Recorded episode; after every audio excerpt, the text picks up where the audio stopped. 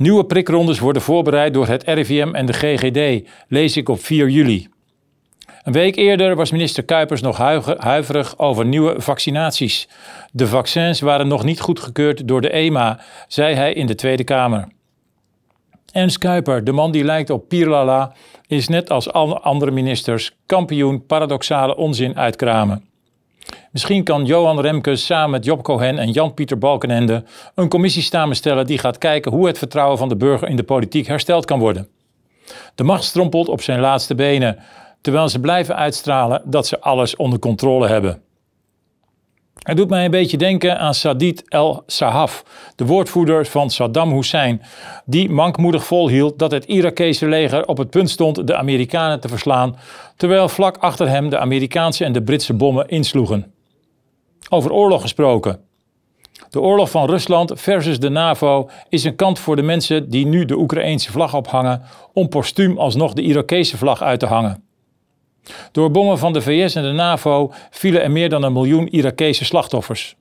Maar solidariteit met de Irakese slachtoffers is er nooit geweest. De media zwegen over deze slachtoffers. Slachtoffers veroorzaakt door het Westen zijn geen slachtoffers. Terwijl het de zoveelste vuile oorlog van Amerika was uitgevoerd onder een valse vlag. Iraq has weapons of mass destruction. George Bush en Tony Blair zijn simpelweg oorlogsmisdadigers. Hier zou het internationale strafhof in Den Haag werk van moeten maken in plaats van Afrikaanse dictators te vervolgen die ze er eerst zelf hebben neergezet.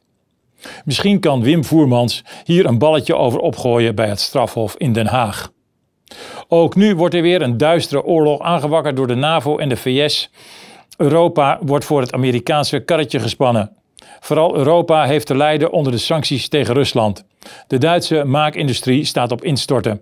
Een mooie prooi voor de allergrootste Amerikaanse investeringsmaatschappijen als BlackRock, Vanguard en State, State Street.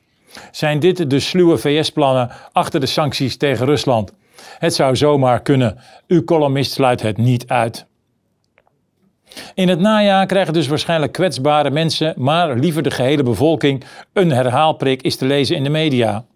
Waarschijnlijk, misschien, mits wellicht het zou kunnen, over het taalbegrip, taalgebruik heb ik al eerder een column geschreven. Er wordt gewerkt aan een plan om 300.000 coronaprikken per week uit te breiden tot 1,5 miljoen per week. Zo'n opschaling is nodig als niet alleen de kwetsbare, maar de hele bevolking een prik moet krijgen, staat in het bericht. Op 8 juli wil het RIVM ook zo snel mogelijk gaan beginnen met het inenten tegen de apenpokken. Er wordt een vaccin ingezet dat niet voor de bestrijding van apenpokken is gemaakt, maar er wel tegen werkt, al dus Kuipers en het RIVM. Gewoon weer lekker prikken, prikken, prikken.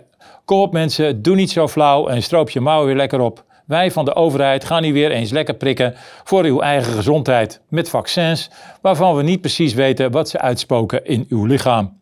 Leuker kunnen we het niet maken. De Kuipers, de Ruttes en alle andere verantwoordelijke weffers vergeten dat veel mensen die coronaprik helemaal niet meer willen. Het worden er meer en meer. Alleen de angstige en geestelijk kwetsbaren verlangen nog naar een prik. De mensen die de leugenaars van de staat nog geloven. Mensen die niet nadenken. Of beter, eenzijdig zijn voorgelicht. Of nog beter, plat gebombardeerd zijn met pro-prik-propaganda. Er is geen enkele sprake geweest van een evenwichtige voorlichting over een ingrijpende beslissing om je al dan niet te laten vaccineren. De vaccins beschermden voor 100% en waren 100% veilig, was de boodschap van onze overheid. Een discussie hierover was uitgesloten. Normaliter is de overheid er om kwetsbare mensen te beschermen, maar niet onder Rutte en zijn WEF-volgers. Zij hebben de mensen gebombardeerd met angst, het meest besmettelijke virus dat er is. De zogenaamde pandemie heeft het levensgeluk van iedereen aangetast. Iedereen die ik spreek is minder gelukkig als maart voor maart 2020. Alleen het CBS zal straks wel met het bericht komen dat de Nederlanders gelukkiger zijn dan ooit tevoren. Heel mooi en diep tegelijk dat de vaccinatieschade het absurde beleid van onze overheid, aangestuurd door krachten ver weg, de weffers en hun volgers uiteindelijk de das om gaat doen. Als mensen doorkrijgen dat de spuit ze zwakker en zieker maakt, kunnen er gekke dingen gaan gebeuren. Als de massa in beweging komt, kan de woede zich richten op de mensen die hun dit heeft aangedaan. Het is een kwestie van tijd voor de tikkende tijdbom van vaccinatieschades groot aan de oppervlakte komt. De media zwijgen over deze olifant in de Kamer, maar dat wil niet zeggen dat de schades in het echte leven niet bestaan. Het verhaal staat op instorten. Op maandag 4 juli, dezelfde dag dat Ernst Kuipers nieuwe prikrondes aankondigt in Nederland, schrijft de Wall Street Journal dat peuters die tijdens de proef van Pfizer gevaccineerd waren, meer kans hadden om ernstig ziek te worden van COVID dan degene die een placebo kregen. En de meeste kinderen die tijdens de proef meerdere infecties ontwikkelden, waren ook gevaccineerd. De Wall Street Journal treft, trekt rechtstreeks de wijsheid, de integriteit en de onafhankelijkheid van de FDA en de CDC in twijfel. Bovendien beschuldigen ze Pfizer en Moderna van manipulatie van gegevens en een onjuiste voorstelling van zaken. Overal in de wereld zien we nu voorzichtig een terugtrekkende beweging van overheden. Het grote voor de busgooispel is begonnen. In Oostenrijk zijn ze erachter gekomen dat de vaccins gevaarlijk zijn. Om zijn straatje schoon te vegen, geeft de minister van Volksgezondheid nu de artsen de schuld. In Australië zijn de vaccinmandaten van de baan. In het VK is Boris Johnson afgetreden, al schijnt hij nu weer tot oktober aan te blijven. Als reden voor zijn aftreden worden allerlei schandalen genoemd. Maar de ware reden voor het opstappen van alle ministers zou wel eens het instortende COVID-beleid kunnen zijn en de krankzinnige wapenleveranties aan de net zo krankzinnige CIA-trekpop Zelensky. De ratten verlaten het zinkende schip, lijkt het wel. Zien we straks op veel meer plaatsen Sri Lankese toestanden? We gaan het zien. Er moeten dan natuurlijk niet weer andere weffers, andere leiders uit de klasjes van Klaus Schwab op leidinggevende posities komen. Het is mooi geweest met de macht van supranationale entiteiten en de financiers op de achtergrond. Onze democratie is gekaapt door grote ondemocratische organisaties als de WHO, het WEF, het IMF, de ECB, de FED, de NAVO enzovoort. Nu moeten de boeren het weer ontgelden. Agenda 2030 moet worden uitgerold. Koeien en varkensscheten vormen ineens de grootste crisis uit de geschiedenis. Wordt ons nu weer door de strot gepropagandeerd door de staat en de leugenachtige media. Ze duwen voorlopig door, ze moeten wel. Het is erop of eronder voor de elites en de macht. Voor gewone burgers is er maar één oplossing: niet meer meedoen, je breed informeren, in het geval van de boeren verzetten en de corrupte leiders blijven exposen, uitlachen en bekritiseren. En niet vergeten de tegenkrachten bundelen door elkaar op te zoeken en te verbinden. Op 4 juli is nog weinig te merken van twijfel in de Haagse bunkers. Daar hebben ze nog een plaat voor de kop. Daar blijven ze onverstoorbaar prikplannen uitrollen. Bunkers die ze straks wellicht nodig hebben als de schades gaan toenemen en de waarheid over de vaccins naar buiten gaan komen. En mensen wakker gaan worden uit een hypnose en zich gaan realiseren dat ze dom zijn geweest om zich in te laten spuiten met experimentele vaccins die A niet werken en B eh, waarvan we niet weten wat ze precies uitspoken in ons lichaam. En dat allemaal onder zware druk van onze eigen overheid. Gelukkig weten we precies wie verantwoordelijk zijn geweest voor dit destructieve beleid. In Nederland in eerste instantie het kabinet, de weffers, het RIVM, wetenschappers, rechters, artsen en de media met de NOS voorop. Bedreig ik ze nu? Helemaal niet. Het is precies andersom. Ze hebben mij bedreigd, mijn demente moeder opgesloten, mij en mijn familie en kinderen uitgesloten van deelname aan de maatschappij. Alleen omdat we vragen stellen over de werking en veiligheid van de vaccins, het niet werkende mondkapje, de avondklokken en de anderhalve meter maatschappij. Het is ronduit misdadige politiek de bevolking bewust tegen elkaar uit te spelen. Het is een schande voor de generatie van mijn ouders die dit land mede hebben opgebouwd, dat deze marionetten nog steeds in het plus zitten.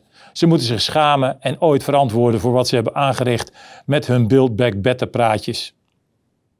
Sinds de lockdown weten we wie er echt toe doen in dit land, de boeren de vrachtwagenchauffeurs, de zorg, de politie, de mensen die echt hun handen uit de mouwen steken en dus niet de laptop coffee-to-go mensen, de vergaderaars in glanzende kantoren, de gekochte wetenschappers, de communicatiemensjes en de journalisten, de advocaten en de rechters. Zij doen er eigenlijk niet toe. Zij houden een land niet in leven als het er echt op aankomt. Net als huigelachtige multinationals als IKEA en Heineken met de slogan The night is for the vaccinated. Waarom zien we deze reclame eigenlijk nooit meer op de buis, meneer de bierbrouwer? De weffers, wetenschappers, rechters, journalisten en multinationals die dit afbraakbeleid steunen en uitvoeren, hebben op het verkeerde paard gewet. Op het paard van het grote geld, op het paard van de macht. En hebben, bij, hebben mensen die kritisch zijn op het beleid en wat er allemaal via verborgen agenda's over de burgers wordt uitgestort, uitgesloten van het debat en het sociale leven. Zij zijn de macht van de massa waar ze op spugen vergeten. Op dag 1 van deze crisis zei ik dat we de tuinstoelen kunnen uitklappen, de nootjes klaarzetten en een biertje opentrekken. Vragen blijven stellen, de absurde maatregelen uitlachen en toekijken hoe de leugens in elkaar storten. Onze politici verkopen leugens en lelijkheid uit naam van de gezondheidszorg en het redden van de planeet. Het zijn kille technocraten die protocollen uitrollen. Maar leugens winnen nooit. Ze zijn simpelweg de menselijkheid en de liefde vergeten. Ik ga regelmatig naar demonstraties. Vanaf het begin zijn ze gemoedelijk en gezellig. Het is een bond gezelschap van mensen. Jong, oud, wit, zwart, homo, hetero. Bob Marley is altijd van de partij. One love, one heart.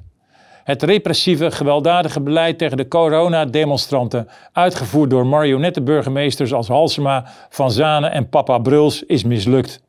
Op iedere demonstratie spreek ik leuke, inspirerende mensen mensen.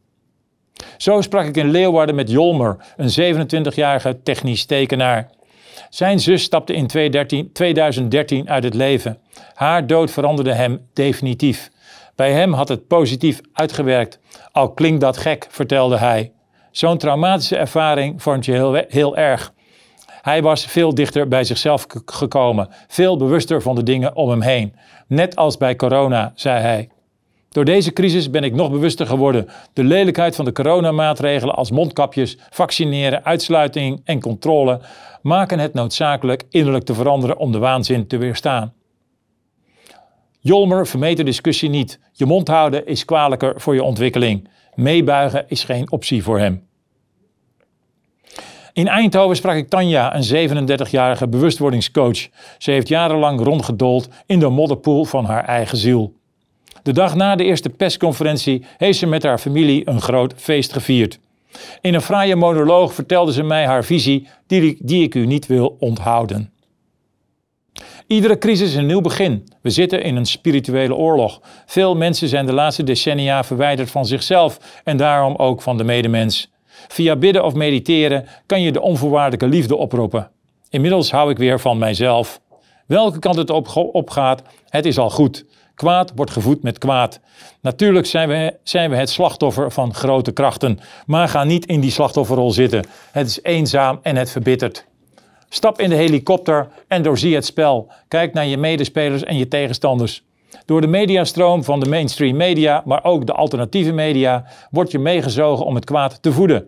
We worden tegen elkaar uitgespeeld. Het is verdeel en heers. We moeten elkaar gaan haten. Burgers versus boeren, wappie versus burgers, wit versus zwart, homo versus hetero, moslim versus christen. Trap er niet in. Het is de valkuil van het kwaad. Doorzie dit spel vanuit de helikopter en open je hart. Het kwaad is bang voor liefde en verbinding.